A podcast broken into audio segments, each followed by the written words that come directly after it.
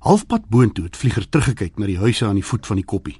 Dit was duur huise wat aan rykes soos Liz se pa behoort het. "Is ons ryk of arm, pa?" het vlieger een keer gevra toe hy nog klein was. "Ons ons is gemaklik," het sy pa geantwoord. Vlieger het besef die mense in die huise onder hom is baie gemakliker as hulle wat die botmas was. In hulle buurt was die huise kleiner en die buitemure van oranje suursteen of wit pleister. Party dakke was teëls, maar die meeste was silwer of groen sinkplaat. Die straatheininge was laag precast sementmure, silwergeverfde draadheininge of lae struike. Niemand het tuindwergies in hulle tuine gehad nie. Party huise het slashtou tuinpaadjies in slashtou skoorstene gehad.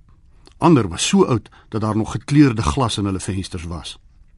Die kafee het aan Grieke behoort en die groentewinkel aan Portugese.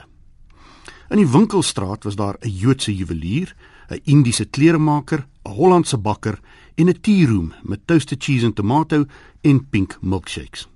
Daar was 'n C&A, 'n Oka Bazaar en 'n polisiestasie met beige Ford F100 vangwaans en polisiemanne in blou uniforms. In die poskantoor was Afrikaanse mans met oliehare en borselkoppe agter die toonbank se kopertralies. 'n Muur wat nie tot teen die dak gekom het nie, het wit mense en swart mense geskei.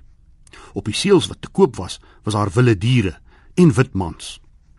Die posbesteller op sy swart dikwiel fiets het 'n grys hemp met blou epolette gedra.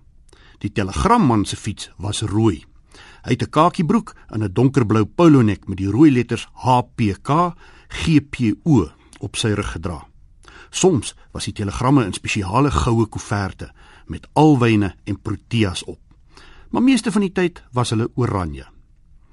In die huise se tuine was daar roosbome, grasperke, vuurpyle, dahlias en rotsteine met vetplante. In die winter het die grasperke gevrek en vergeel geword.